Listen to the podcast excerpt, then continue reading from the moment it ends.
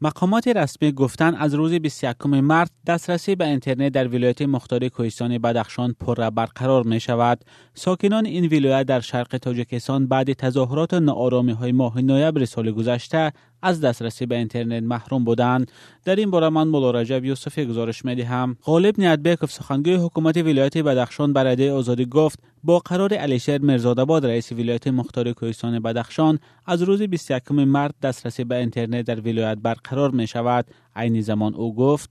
قرار رئیس ولایت مختار کوهستان بدخشان علیشیر مرزادآباد برآمد در باره از روز دوشنبه یعنی از 21 مارس سال 2022 дар ҳудуди вилоят шабакаи ҷавонии интернет пайваст мешавад. Шабакаҳои иҷтимоӣ дар вилоят фаъол мешаванд лекин агар аз тарафи ягон кас сол ҳамин туҳмату гапҳои беасос нисбати ҳукумат ё нисбати робарияти вилоят шахсоне ки дар мақомот фаъолият доранд یعنی انعکاس میگردد به اساس اگر باشد البته شوراجویی کرده می شود بنا به گزارش تلویزیون محلی بدخشان رئیس ولایت علیشیر مرزانآباد روز 18 مارس ضمن جلسه گفته است با سبب های وضع پیش آمده در ماه نوامبر در ناحیه راشقله و شهر خاروق و بهر تازه نگاه داشتن افزای اطلاعاتی موقتا شبکه اینترنت در حدود ولایت قطع گردید. روز 21 نوامبر سال گذشته گلبدین زیابکوف یک ساکن ناحیه راشقله هنگام عملیات مقامات به هلاکت رسید.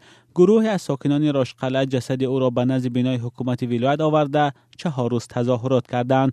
مقامات از آن وقت تا امروز دسترسی به اینترنت در ولایت مختار کوهستان بدخشان را قطع کردند. این کار ناراضگی ساکنان ولایت و سازمان های حامی حقوق را به میان آورد. از جمله میشل بچلت کمیسر عالی حقوق بشری سازمان ملل هفته گذشته از محروم بودن ساکنان ولایت از اینترنت ابراز تاسف کرد. او گفت چون این برخورد نقص آشکار حقوق انسان است. سفارت امریکا در دوشنبه همروز 16 مارس از حکومت تاجیکستان خواست دسترسی پررای مردم ولایت مختار کوهستان بدخشان را به اینترنت تامین کنند.